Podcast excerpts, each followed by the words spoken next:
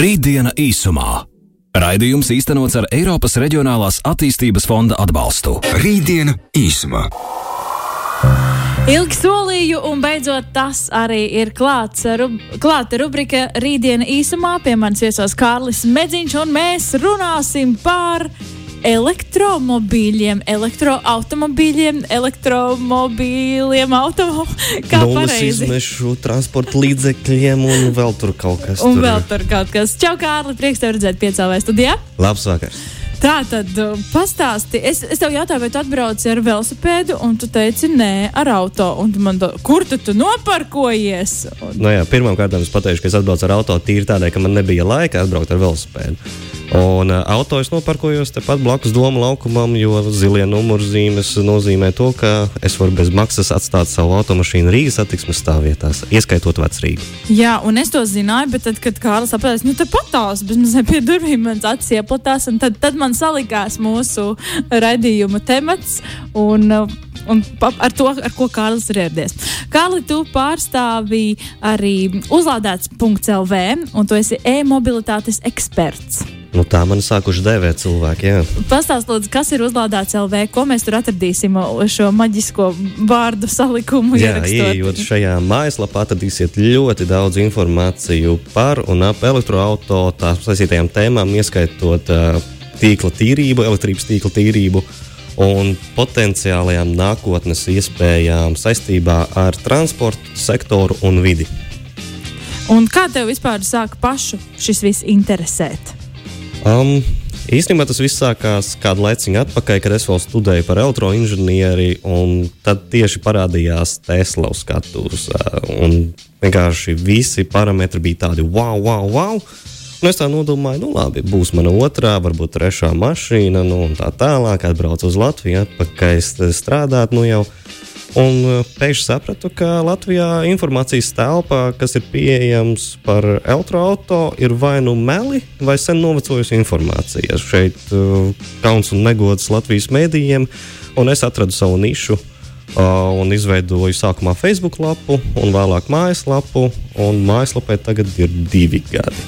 Jā, tā tad radīta 2018. gadā. Mm, kā kopš tā laika ir mainījusies situācija, kad izveidoji šo lapu un šobrīd? Nu, es jau gribētu domāt, ka ir baigi labāk palicis. Es nezinu, vai tur ir liels mans nopelns vai mazs, bet uh, cik es esmu dzirdējis, ka daži ir manis dēļ nosvērušies par labu. Bezizmešu mobilitātes risinājumiem arī ir gadījies, ka satiksmes ministrija citē mani. Un, jā, jo es zinu, vienkārši, ka informācija nav nekur citur pieejama kā manā mājaslapā. Pat CSDD tādu informāciju nepublicē, kaut gan es viņiem prasu to informāciju. Un tad beigās, jā, interesanti. Tu minēji par nepatiesu informāciju. Kādi tad ir tie biežākie mīti un uzskati, kas ir saistīti ar gan e-mobilitāti, gan elektroautobīļiem? um, kad tie ir vidēji kaitīgāki. Tas ir laikam pirmais.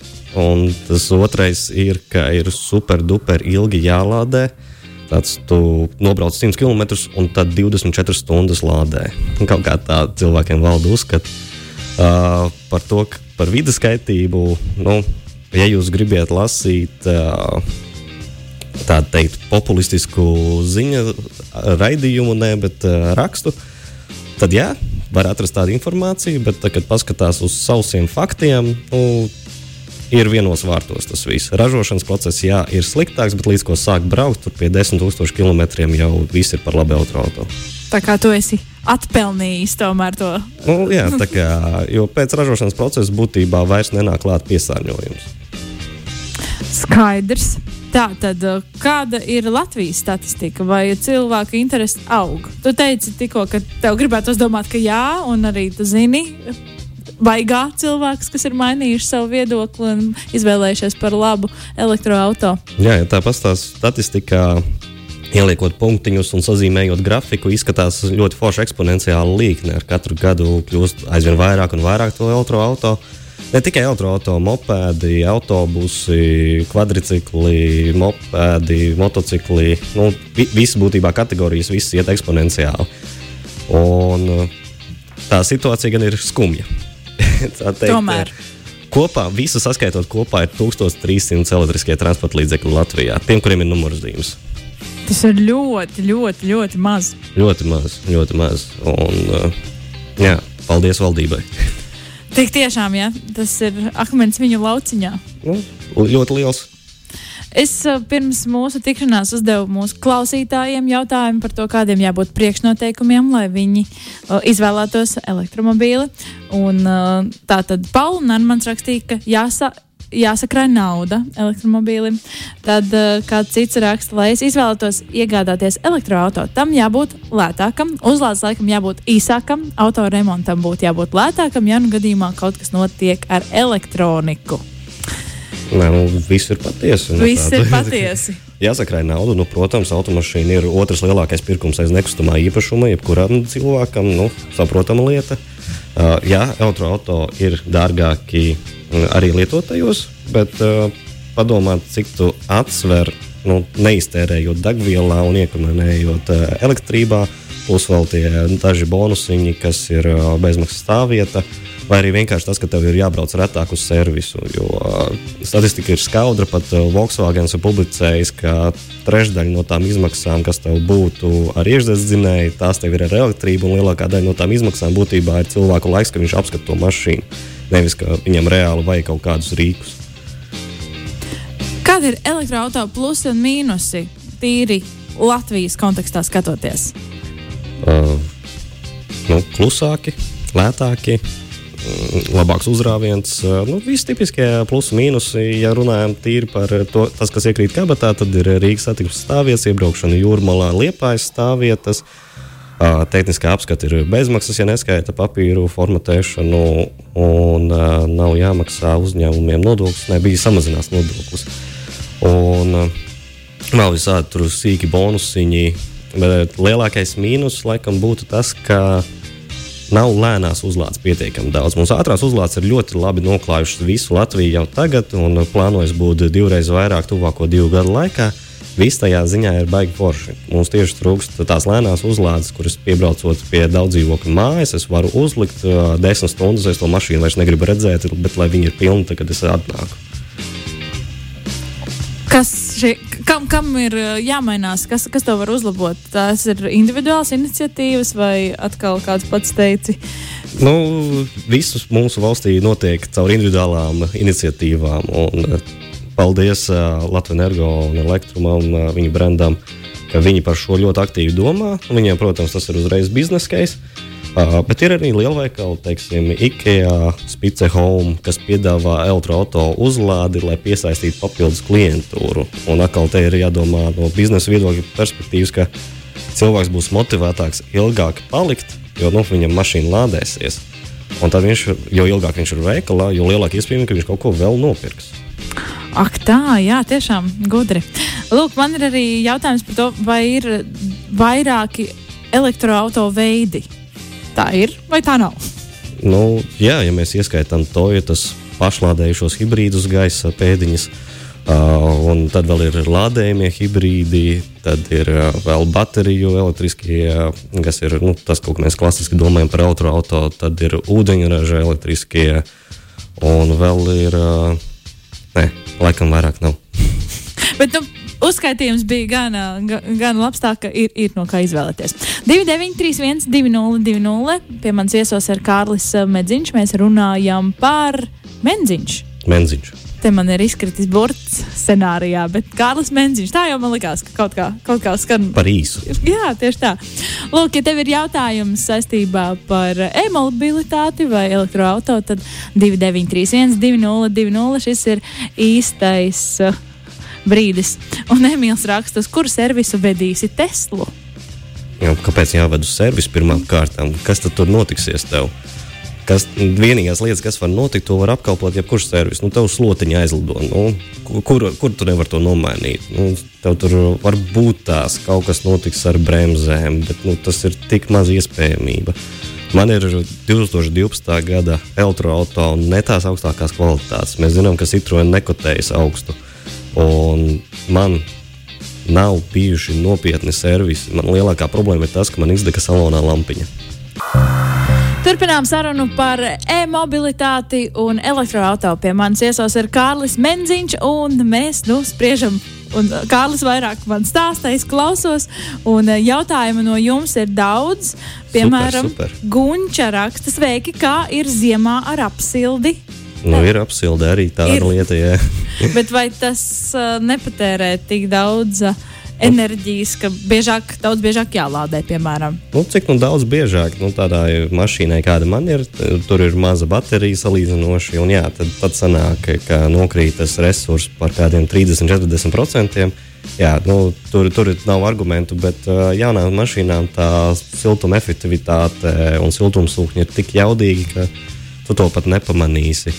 Uh, ko es vēl gribēju piebilst šajā sakrā, ir, ka jūs esat padomājuši, kā iedzinējams siltums nāk. Tur motors ļoti labi silda. Viņš būtībā 80% no tā motora, ko viņi dara, ir silda. 20% aiziet tikai, lai kustētos. Vasarā, ziemā vienalga. Vīčīs mums uh, iebilst un uztraucas par to, ka Baltijā nav Teslas servisu. Nu, nav. nu, nav nekas. Uh, un Aivars. Uh, Tomēr būsim korekti. Neliels piesārņojums tomēr turpinās, jo pateicoties uh, Kārļa minētajām uzrāvienam, riepas dilst ātrāk. Jā, putekļi. Putekļi jā, bet uh, agresīvi šoferi būs vienmēr. Tikai roboti spēs tos izlabot. Lūk, mūsu pastāvīgais klausītājs arī vaicā, kad būs elektropikapi. Varētu jau nopirkt energo auto, vienkārši darba dēļ nedara. Nākamgad. Nā, bet tiešām Nu, daudz nāk no Forda būs, bet tas laikam bija hibrīds. Bet no Riviana un uh, vēl citiem jaunajiem uzņēmumiem nāk tiešām uh, pikapi. Par Eiropas pieejamību es nevarēšu tagad uzreiz pateikt, jo pikapi tomēr populārāki ir ASV tirgumi, un tur arī tas koncentrējas. Eiropā populārāki ir uh, busiņi. Līdz ar to tie būs gan nākamgad. Kūciņa kurjeris Matīs raksta, zinu, ka BMW i3 ziemā pilsētā var tikai 70 km nobraukt. Tas bija pirmais, kuru ražoja 2013. gadā. Jaunais, kurš ir, man liekas, pagājušajā gadā viņš tika atjaunināts. Tas var stabili 250 vasarā un 220 ziemā. Tieši stabili. Nu, diezgan Un, uzlabojuši. un tas nav pilsēta, tas ir ā, 50-50 pilsēta ārpus pilsētas. Vēl jautājums no klausītāja. Eh, Sveiki, vēlētos uzzināt vairāk par lādējamajiem hibrīdiem elektrodegvielu. Kāds ir ražotājs sniegtais servisa mūžs baterijai un elektromotoram? Es ieteiktu nedomāt par šādiem risinājumiem, jo, ja kaut kas var noiet greizi, tad šīm sistēmām var dubultā noiet greizi. Tādā ziņā tev nebūs nekādas priekšrocības no tā, ka tev nebūs zilie numuri. Līdz ar to tas viss tev atkrīt. Jā, tu varēsi tos 30, 40 km nobraukt ar tīru elektrību. Ļoti forši, ja tev tiešām tāds maršruts ir, bet kāpēc tad neizvēlēties uzreiz nu, pilnīgi elektroautorātu? Jo pats sliktākais elektroautorāts var nobraukt 100 un vairāk kilometrus. Uh, bet, ja ir jāslavē šīs sistēmas, uh, tad lādē katru dienu. Katru dienu lādē. Tad ir vienīgais efekts no šīm mašīnām. Un uh, oriģinālais jautājums bija par servisiem. Nu, jā, kamēr ir ražotāja garantija, tikmēr viss kārtībā. Un, uh, ir dzirdēti gadījumi, ka jā, tiešām tie Mitsubishi Outlander uh, plug-in hibrīdi, ka viņi tiešām labi iet. Tur es, uh, šī mašīna ir izņēmums starp visiem pārējiem. Toyota tikai pagājušajā gadā, man liekas, sāk ražot lādējumu hibrīdu, kaut gan viņiem hibrīdi ir no 90. kura tur gada. Tā kā šis milzis pamazām sāk palikt par dinozauru. Un, jā, ja tu izvēlies lādējumu kaut ko, ej uzreiz uz elektroautorātu. Ieteikums no Kārļa. Tātad eh, tagad elektromobīļus piedāvā arī auto koplietošanas eh, lietotnes. Kāda šim visam ir nākotne? Tas ir izdevīgi vai gluži vienkārši ļauj izmēģināt, kā ir pārvietoties ar elektroautorātu? Nu šeit uh, visu cieņu fiksi, uh, jo viņi paņēma pirmie, un viņi paņēma uzreiz ar ļoti labu elektrisko mašīnu. Arī ziņā, ka viņi varēja iet uz daudz sliktāku, mazāku, neglītāku, nosaukt visus citus parametrus. Uh, un tagad tiešām ļoti daudz cilvēki pirmoreiz mūžā izmēģina elektroautorātu, pie tam tas ir pieņemami un lēti. Un tu vari ar šie, šīm mašīnām ne tikai braukt pa Rīgu, bet arī mierīgi uz saviem laukiem. Nu, protams, tev tur ir dienas maksas iestājas, bet uh, tā ir tā foršā burvība, ka tu par diviem eiro vari izmēģināt elektroautorātu. un aizbraukt teiksim, no mājām uz darbu, un pēc tam izdomāt pēc darba aizbraukt nezinu, uz Tīšazaru un atpakaļ. Vai tā ir taisnība, ka jo dārgāks auto, jo dārgāk ir arī ar tā apkope? Nu, man liekas, tas uh, jebkurā gadījumā tā ir. Nu, teiksim, iekšzemes variantā mēs varam rēķināties, ka servisa izmaksas būs dārgākas, un, uh, ja kaut kas plīsīs, tad tas būs super duper. Man atkal elektriskā mašīnām te ir jādomā, ka tie, kas plīsīs, tās būs atkal tās slotiņas, vai riepas dils, vai kas tur, tad, nu, attiecīgi, tie elementi arī ir dārgāki. Un šajā gadījumā man liekas, bija tā, ka es kaut kur lasīju, ka Tesla salīdzināja ar Mercedes-Benz tīri servisa iz, izmaksas. Un uz 400 tūkstošu kilometriem Tesla bija mazākā desmitā daļa no Mercedes-Benz servisa izmaksām. Es nespēju šo reaģēt, jo es jau lasu nākamos jautājumus. Līnārds raksta, muļķības dzīvoja Norvēģijā 13 gadu, un Teslas servis ir pilni ar neapmierinātiem klientiem. Aizej uz jebkuru servisu, tur viss Tur ir pilni ar neapmierinātiem klientiem. Visos servisos ir neapmierināti. Tieši tā. Ēriks vaicā, cik daudz kilovatu patērē pilnīga uzlāde. Vai tas ir ļoti individuāli no mašīnas atkarīgs? Tā mana mašīna, kurai ir liekas, vismazākā baterija, kāda pieejama šobrīd Latvijas tirgū, tur ir 14,5 kWh. Nevis kilovati, kilovati ir jauda, kilovatstundas ir patēriņš. Uh, tas nozīmē, ka 14,5 pareizi zina ar 15 centiem, un cik tas ir 2 eiro, 2,50 eiro. Un tā ir pilna uzlāde, ar ko es vasarā varu veikt vairāk kā 100 km un ziemā mazākās 100. Iespaidīgi. Tas, ja tā pareiķina, tad uh, jā. Klau uh, par uzlādes iespējām. Nu, esmu nolēmusi nopirkt elektroautorātu, vai man būs tagad jāpērk kaut kas vēl tomēr klāt, lai es to varētu lādēt savā mājās, vai pietiks, ja es izvilkšu no mājām pagarinātāju. Teorētiski pietiks. Man liekas, visām mašīnām nāk līdzi no rozetes uz mašīnu lādētājs. Oto kaut ko tur domāja, ka viņi tā nedarīs, ka viņi iedos uzreiz mājas uzlādes stāciju. Tāds nu, nav ko niekoties. Uh, bet uh, pa lielam visiem nāk līdzi no rozetes uz auto, un tas patēriņš no tās rozetes nesīs ārā korķus, uh, jo viņš ir pielīdzināms teikanai. Labi, nav, nav vērts uh, tur lādēt 72 stundas. Tā ir, nu, nezinu, cik liela baterija tā ir. Dārgākā Tesla, laikam, baterija. Bet, uh, teiksim, manai mašīnai ar pilnu uzlādi ir uh, 4 līdz 6 stundas atkarībā no cik maz procentiem es esmu piebraucis klāt. Vai elektromobīļus var dēvēt par pārvietošanās nākotni, vai tā jau ir tomēr tagadne? Tā noteikti jau ir tagadnē, jo uh, pastieties, kas notika šajā ceturksnī, kad uh, nu, auto tirgošana ir vienkārši zem katras kritikas arī Latvijā. Un elektroautorāta vienkārši turpināja stabilu izaugsmi. Tāds Covid, kas tas tāds, mēs turpinām eksponenciālu līkni. Tad, nu, tad šajā ceturksnī pirmo reizi bija elektroautorāta sastādīja 3% no pārdotajām vienībām jaunie, jaunajām mašīnām, kas bija diezgan ievērojami, nu, labi, uz diezgan bēdīga fona, bet uh, turpinās stabilitāte. Tu pats runāji par to uzlādes ātrumu. Nu, kā tad ir, ja mēs gāžam to mītu, ka tur 24 stundas nav jālādē? Esmu dzirdējis, ka stundas laikā var tikt galā ar ātrā uzlādi. Tā Tas atkal, kā kuram mēs pirms pusotras, ne, divām nedēļām izbraucu 1000 km pa Latviju, sekoju kursors izaicinājumam un ar savu mašīnu arī izbraucu. Mana vidējā uzlāde ilga 10 līdz 15 minūtes. Tā kā priekš 1000 km ceļojuma man bija diezgan perfekti. Maza baterija, lieli ātrumi, ik pēc 40 km piestāju uz 10 minūtītēm.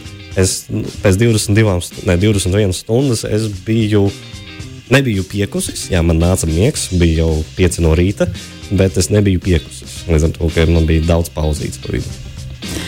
Ja mēs tā padomājam par nākotni, un es atceros, piemēram, agrāk filmās, tur, kad iedomājos, jau, kas notiks 2020. gadā, tad viss lidoja apkārt. Vai tagad uh, mēs uh, varam iedomāties par to, ka automašīnas mūs pašas nogādā mājās bez, bez uh, vadītāja? Man tā liekas ļoti reāli nākotnē, un šīm mašīnām ir vieglāk būt elektriskajām kā iekšzemes dzinējam, jo iekšzemes dzinējam visu laiku ir jākontrolē, kāda viņam apgriezieni, kā tur radiatoru temperatūra nepārkarst un tā tālāk. Elektriskiem ir viss sistēma daudz vienkāršāka. Un Kā šī joma vēl varētu attīstīties, lai tas tiešām būtu iespējams? Pašbraucošie? Jā. Tur jau vienkārši viss ir attiecināms no regulām, līdz ko mašīnas jau teorētiski var to darīt. Vienīgais klupšanas akmens ir pārējie cilvēki, kas ir uz ceļiem. Ātri vēl noslēdzošais jautājums eh, no kāda vai kāds ir reiķinājis elektroautorāta vērtības kritumu, ņemot vērā, ka to izmaksas lielā mērā sastāv akumulators, kurš nezinu, vai izilgs desmit gadu, un vai mainīt akumulators pēc desmit gadiem ir zaļāk nekā braukt 30 gadus ar Vo- Volvo dīzelīti.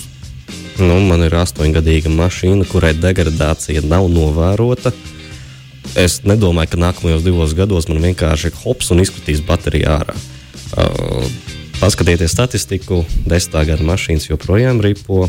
Nissans, kad palaida savu līfu, viņi plānoja, ka visas tās baterijas tiks ātri nolietotas, un tad viņi uzsāks bateriju biznesu, lietoto bateriju biznesu, lai varētu piedāvāt tīklam, mājas rezervu sistēmām un tā tālāk. Viņi joprojām nav palaiduši šo biznesu. Haha, Nesanāca. Paldies, Kārli. Mums tūdaļ ziņas tuvojas, tāpēc nevaru ar tevi turpināt ilgāk šo sarunu. Ņemiet bet, par labu. Bija arī mani interesanti. Tātad, ja vēlaties vairāk uzzināt, tad uzlādēts.lv. Tur jūs varēsiet apskatīt visu, ko Kārlis ir sastrādājis. Tad, lai veiksmīgs ceļš mājup, Nu, paldies! paldies un tiekamies citā reizē. Atā! Vislabāk! Rītdiena īsumā. Raidījums īstenots ar Eiropas Reģionālās attīstības fonda atbalstu.